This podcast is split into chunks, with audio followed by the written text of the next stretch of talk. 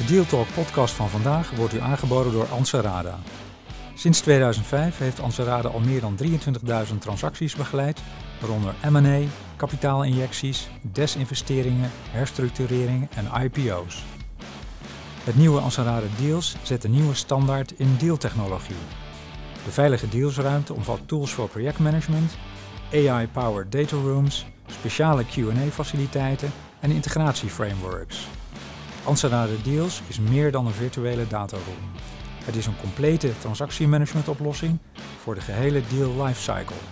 Start kosteloos op ansarada.com.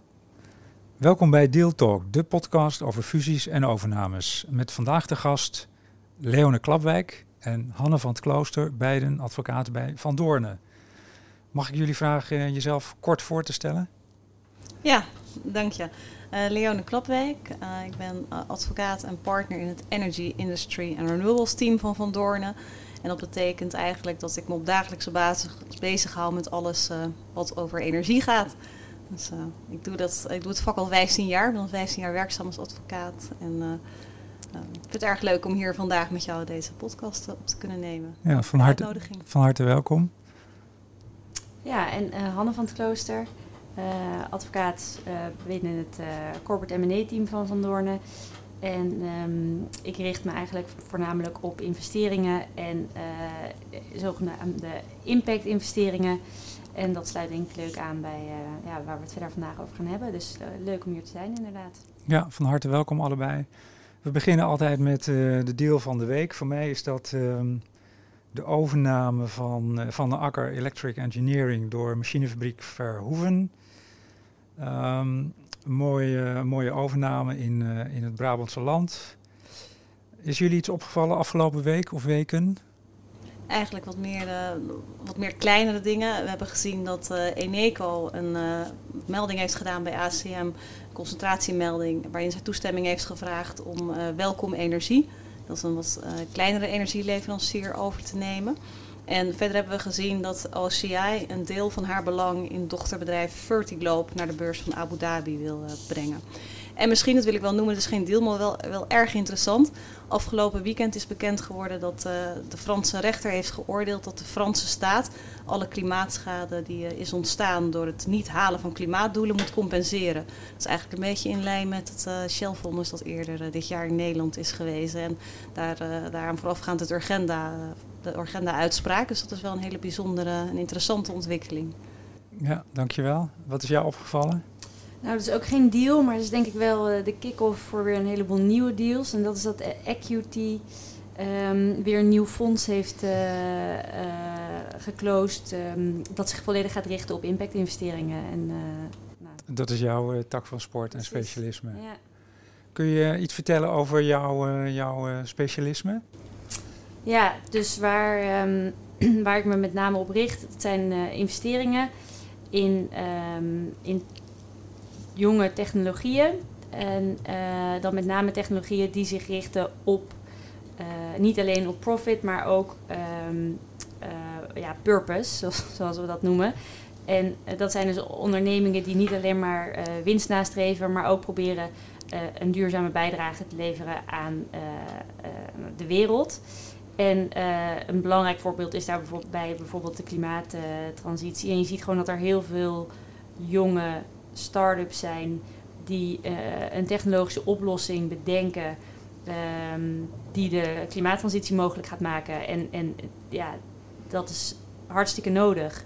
En uh, ja, gaat ook denk ik gewoon, dat gaan gewoon hele uiteindelijk hele grote, belangrijke belangrijke trend worden. Ja, en belangrijke ondernemingen ja. worden die, dat, uh, die, die, die gaan bijdragen daaraan. Kun je een voorbeeld geven van zo'n transactie? Ja, dat is wel leuk. Afgelopen zomer bijvoorbeeld investeerde InvestNL, um, het, uh, sta het Staatsinvesteringsfonds, in uh, SCW Systems. En dat is, een, dat is een, dus een, bijvoorbeeld een start-up die bijdraagt aan de energietransitie op twee verschillende manieren. Enerzijds hebben zij, zij een manier ontwikkeld om organische reststromen om te zetten in groene waterstof en groen gas. En um, anderzijds hebben zij een, een een technologie ontwikkeld die CO2 uh, kan omzetten in grondstoffen. Nou, daarmee doe je denk ik precies wat ik hiervoor bedoelde. En dat is, ehm, dat is natuurlijk hartstikke interessant. Ja, ja. En op welke momenten in uh, jullie dagelijkse praktijk kom je elkaar nu tegen? Hè? Jij met je M&A-bril op en jij vanuit, jou, vanuit jouw achtergrond. Kun je daar een voorbeeld van geven? Zeker, we komen elkaar geregeld tegen. Um, dat is eigenlijk vanuit beide kanten. Ik denk vanuit de dagelijkse praktijk van handel, waarbij zij dus uh, ondernemingen bijstaan die uh, iets doen op het gebied van energie of de energietransitie. En dan begeleiden jullie meer eigenlijk het corporate deel van zo'n uh, van zo'n zaak. En dan kijk ik meer mee op de inhoud, dus echt bijvoorbeeld op de business. En hoe zit dat dan met de regels? En gaat het allemaal volgens de regels? En wat zijn ze precies aan het doen? En uh, ook meer vanuit mijn dagelijkse praktijk, waarin we uh, soms bedrijven bijstaan die in het kader van de energietransitie een bepaalde ontwikkeling uh, willen gaan doen. Bijvoorbeeld in waterstof willen stappen, dus de opslag van waterstof of de aanleg van water, waterstoftransportnetwerken. En daar is altijd corporate structuring nodig. Je moet nadenken over de governance, over het samenwerkingsverband. En daar komen we elkaar dan ook weer tegen, omdat, we dan, dat ik dan de input weer van het team van handen nodig heb. Dus dat is erg leuk dat we elkaar eigenlijk vanuit onze eigen praktijken, dagelijkse praktijken, tegenkomen. En dat, uh, dat, is een hele leuke samenwerking, omdat ik echt geloof dat wanneer je um, met meerdere teams aan een, probleem werkt en dat ook echt als een team doet, je uiteindelijk altijd tot een betere oplossing komt dan wanneer je alleen maar binnen je eigen, je eigen vlak adviseert. Ja, je noemde uh, waterstof. Kun je iets vertellen over dat, uh, dat stuk van, van, van de energie? Zeker. En dan wil ik als het mag de draad iets eerder oppakken. Want dat is voor mij heel logisch. Maar ik weet niet of dat voor al onze luisteraars zo is. Maar wanneer we het over de energietransitie hebben, dan hebben we het eigenlijk over de omschakeling van het gebruik van fossiele brandstoffen en fossiele energiebronnen naar duurzame bronnen. En waarom is dat? Het idee is dat we uiteindelijk in 2050 geen CO2 meer uit moeten stoten bij uh, alles wat we in het dagelijks leven doen. Omdat de uitstoot van CO2 uh, de aarde opwarmt. En het doel eigenlijk is van de Parijsafspraak, die de oorsprong heeft in 92 uit Kyoto, zeg ik uit mijn hoofd, uh, dat we in 2050 de aarde maximaal 2 graden opwarmen, uh, hebben opgewarmd ten opzichte van 1990. En liever anderhalve graad dan 2 graden. Dus eigenlijk alles wat we doen in het kader van de energietransitie is om te voorkomen dat de aarde verder opwarmt en dat er te veel CO2 wordt uitgestoten. Dus die technologie waar jij net over sprak, waarbij CO2 uh, wordt omgezet in een nuttige, nuttige bron van energie, is enorm goed, want die CO2 komt de lucht niet in. Dus dat is een win-win. En je kunt, je kunt die energie weer gebruiken voor een ander proces. En uh, waterstof is eigenlijk een andere manier uh, waarop je kunt uh, voorkomen dat je CO2 uitstoot. Want als je groene waterstof produceert, dat doe je met groene elektriciteit, dan kun je die waterstof gebruiken bij je bedrijfsproces. En wanneer je waterstof gebruikt in je bedrijfsproces, dan komt er geen CO2 vrij bij de verwerking daarvan. En dat is dus weer, dan is de cirkel weer rond. Dat is eigenlijk waar we naartoe moeten in het kader van de energietransitie, van de uitstoot van CO2 af. En daarvoor heb je een goede infrastructuur nodig, een waterstofinfrastructuur. Ja. Hoe ver zijn we daarmee in uh, Nederland? Um, ik denk dat dat in de kinderschoenen staat en dat we eigenlijk echt aan de vooravond van een soort waterstofrevolutie staan. Uh, waterstof zal heel belangrijk worden voor de industrie. Want bij uh, bedrijfsprocessen die nu vaak op aardgas gebeuren, um, zou je waterstof kunnen gebruiken als alternatieve bron. Uh, vaak moet er onder grote, onder grote druk onder hoge temperaturen bepaalde uh, productieprocessen moeten die plaatsvinden. En dat kan met waterstof in plaats van aardgas. En wat we nu zien is, er werd wel waterstof geproduceerd hoor, maar dat was dan grijze waterstof. Dat betekent dat waterstof is geproduceerd met bijvoorbeeld aardgas, waarbij dus gewoon CO2 vrijkomt. Uh, maar we zien nu, dus in die energietransitie, dat dat allemaal groene waterstof moet worden. En wat betekent dat? Er moet eigenlijk een hele productieketen worden, worden opgesteld. En um, de markt is nog heel onvolwassen. De markt is er eigenlijk nog niet. Dus er moeten ten eerste windparken bijvoorbeeld komen, die groene elektriciteit maken, waarmee je die waterstof kunt gaan opwekken. Dus dan moet er een windpark komen, een kavel beschikbaar op zee, die moet elektriciteit gaan maken. Die elektriciteit moet ergens uh, via de kabel aan land terechtkomen, dat noemen we de aanlanding. Heeft Tennet een rol.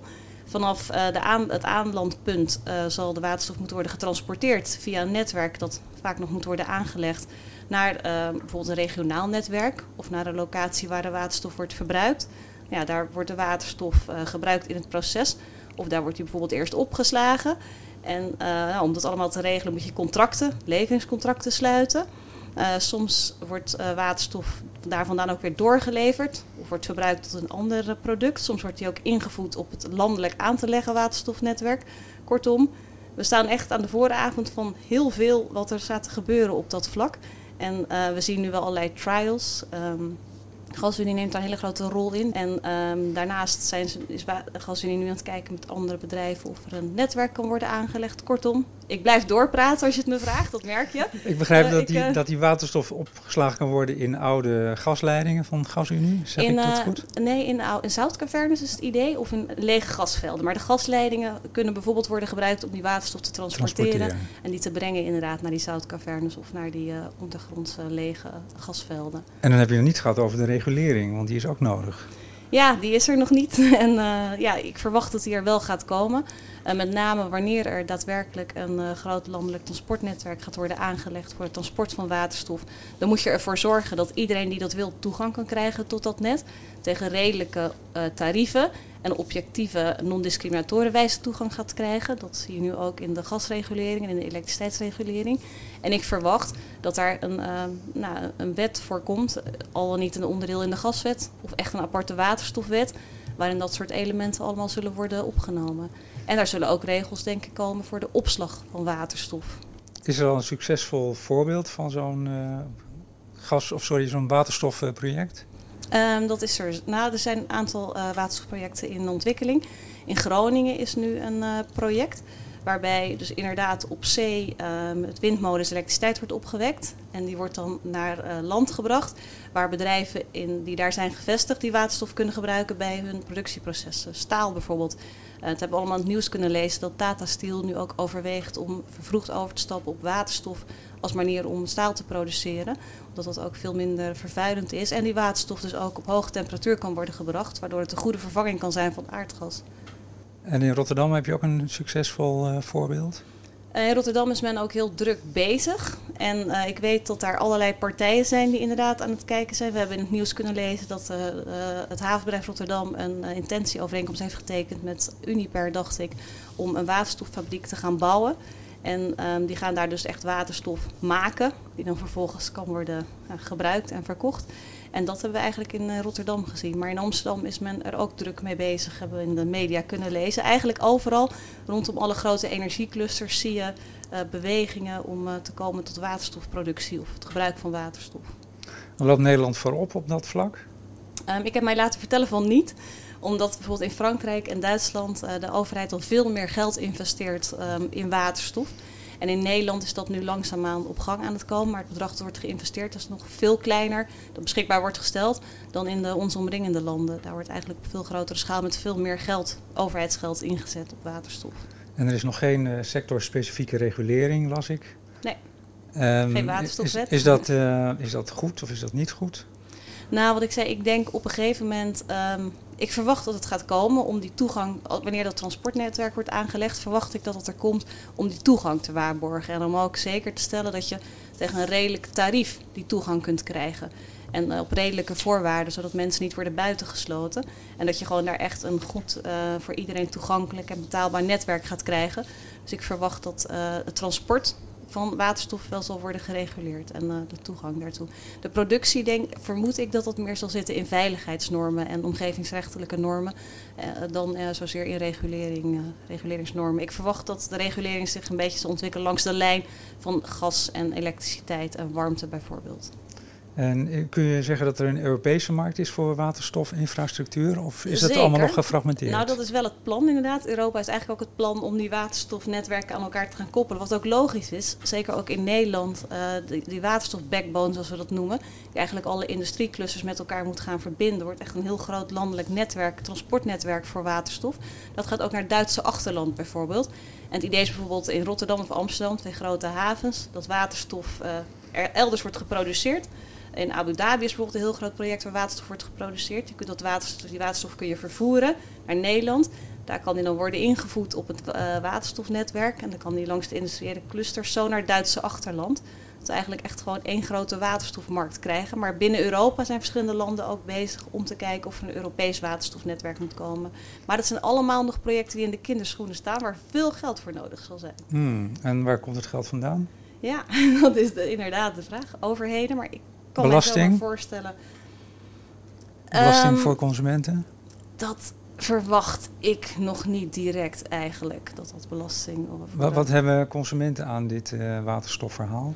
Consumenten zouden er iets aan kunnen hebben. Dan ga ik even naar een ander onderwerp van een andere klimaattafel, namelijk de gebouwde omgeving. Sommige huizen zijn zo oud dat je ze niet goed kunt isoleren en dat je ze niet van het gas afkrijgt, omdat je ze gewoon niet warm gestoken krijgt met elektriciteit. In die situaties, die huizen zouden misschien met waterstof verwarmd kunnen worden. Stedin bijvoorbeeld, die doet een uh, project, project aan het Haringvliet heet dat. En daar is een soort trial om huizen met waterstof te verwarmen. Dus de consument zal soms waterstof als bron van ruimteverwarming kunnen gaan gebruiken in bepaalde situaties. Dat verwacht ik dus als dat gebeurt, vooral bij oude huizen. En waterstofauto's. We zien ook langzaam een markt op gang komen voor waterstofauto's. Nu denk ik dat het voor personenvervoer dat waterstof het niet snel zal winnen van elektrisch. Maar dat, dat, dat, denk ik. Ik weet niet of dat waar is. Misschien word ik aangenaam verrast. Maar ik denk dat waterstof wel een hele belangrijke rol gaat spelen voor het zwaarvervoer. Voor uh, vrachtverkeer en voor bussen. En misschien zelfs wel voor vliegtuigen. Omdat het vrij moeilijk wordt om zulke grote batterijen te maken dat je uh, dat transport ook elektrisch kunt laten plaatsvinden. Klinkt goed. Zie je in jouw dagelijkse praktijk ook al voorbeelden van, uh, van deze ontwikkeling op het gebied van waterstof? Ja, ik denk dat, uh, nou bijvoorbeeld die investering die ik net noemde. En ik denk dat um, je, het gaat altijd een beetje met golven met investeringen. En we hebben eerst heb je wind gezien en toen zon. En toen zag je elektri eh, batterijen, elektrische auto's. En ik denk eigenlijk dat waterstof dan een, een, weer een nieuwe golf gaat zijn. En dat we inderdaad aan, aan het begin staan daarvan. En, en dat er gewoon een heleboel investeringen in allerhande hè, eh, waterstofprojecten en, en, en uh, ondernemingen aan zitten te komen. Um, en dat is, daarom is het dus heel leuk om met Leone samen te werken, want die zit echt in de inhoud. En uh, dat, ja, dat, dat merk je gewoon in je dagelijks werk. Dus je weet precies hoe de, hoe de inhoud zit. En, en, en voor dat soort investeringen is dat natuurlijk um, ideaal dan. Ja. Wat moet er gebeuren om, um, om die, die, die, toegang of de, de, de opkomst van waterstof en waterstofinfrastructuur te versnellen? Wat, wat, wat is daarvoor nodig in de, in de markt en vanuit overheden? Kun je dat zo... Er is ruimte nodig om oh, groene elektriciteit op te kunnen wekken. Nou is dat een probleem in Nederland uiteraard.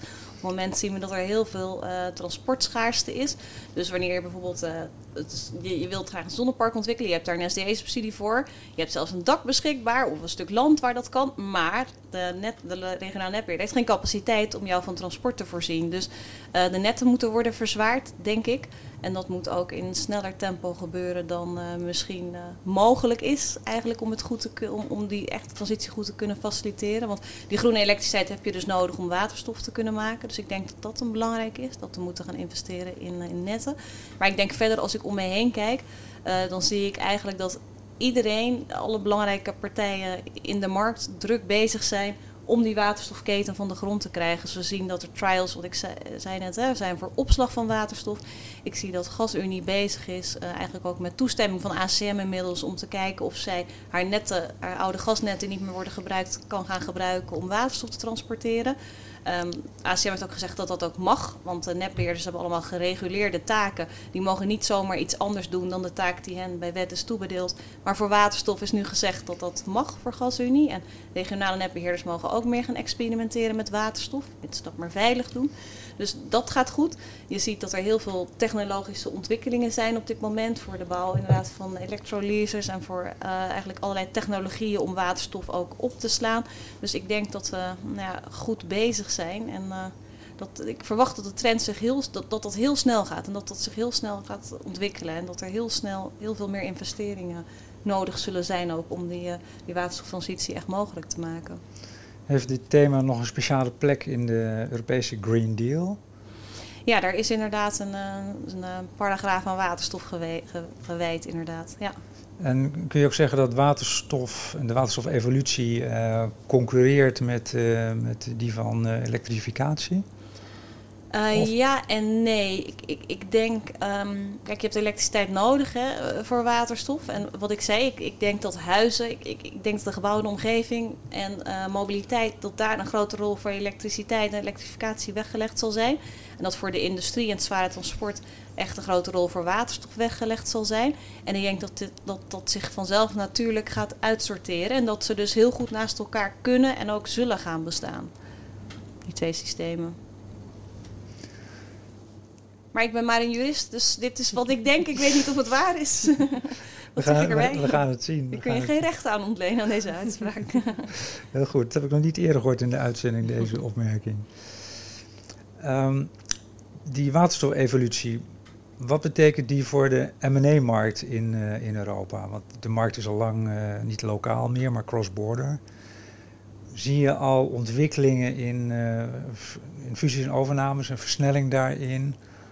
Of eh, wordt er meer kapitaal opgehaald op dit vlak? Kun je daar iets over vertellen? Nou, dus wat ik, de- de deal waarmee ik begon, hè, dus er zijn steeds meer eh, fondsen die zich eh, uitsluitend richten op eh, eh, investeringen die ook iets bijdragen aan eh, bijvoorbeeld de klimaattransitie. En ehm, ja, daarvoor zijn deze investe- eh, investeringen in waterstof natuurlijk hele eh, interessante eh, investeringen. En ehm, nou, als ik Leone zo hoor zeggen dat, dat om, omringende landen alweer een stuk verder zijn, dan kan ik me goed voorstellen dat er natuurlijk eerst in die landen geïnvesteerd gaat worden. In technologieën die al verder zijn, om daar ook vervolgens weer kennis op te doen. En eh, de juiste investeringen in Nederland te kunnen zien. Dus ik kan me goed voorstellen dat dat eh, die kant op gaat, inderdaad. Is er een verklaring waarom Nederland wat achterloopt op dit punt? Waterstof? Nee, dat, ik, weet het, ik weet dat niet. Ik, wat mij wel persoonlijk is opgevallen, ik, als gezegd ehm, werk ik al lang op, in, in, dit, in dit gebied. Ben ik al lang werkzaam als energierecht eh, advocaat, echt, echt al 15 jaar. En wat mij is opgevallen dat de laatste twee, drie jaar... eh, ik denk eigenlijk zelfs de laatste twee jaar die energietransitie opeens een hot topic is. Agenda hadden we allemaal niet zien aankomen. Ehm, en, en daarna is alles in een stroomversnelling geraakt. En zeker de afgelopen tijd hoor je opeens heel erg veel van waterstof. En ehm, ik denk dat het er altijd al was en dat iedereen al bezig was achter de schermen, maar dat, er nu pas, dat het nu pas duidelijker wordt. En ik weet niet waarom Nederland daar een beetje mee achterloopt. Ik weet het Nou, niet. we hadden natuurlijk wel het, eh, het aardgas en de luxe daarvan. Ja, dat zou goed kunnen. Dat de kraan in Groningen nu dicht eh, is gedraaid. Dat dat heeft gemaakt dat we versneld eh, overgaan inderdaad naar, naar waterstof. Dat die transitie in vlucht neemt. De stijgende gasprijs ook als gevolg daarvan natuurlijk. Dus ik- Ja, en de gasunie die bezint zich op zijn rol en die ziet nu nieuwe Precies. kansen. Precies, precies. Ik denk dat het een beetje ja, 1 plus 1 is, eh, is 3 is inderdaad. Ja. Gaat het waterstof het, eh, uiteindelijk de plaats van het gas innemen? Wat denk je? ja, in de industrie, ja. In de industrie wel, denk ik, ja. Absoluut. En kan Nederland eh, koploper worden in, eh, in waterstof?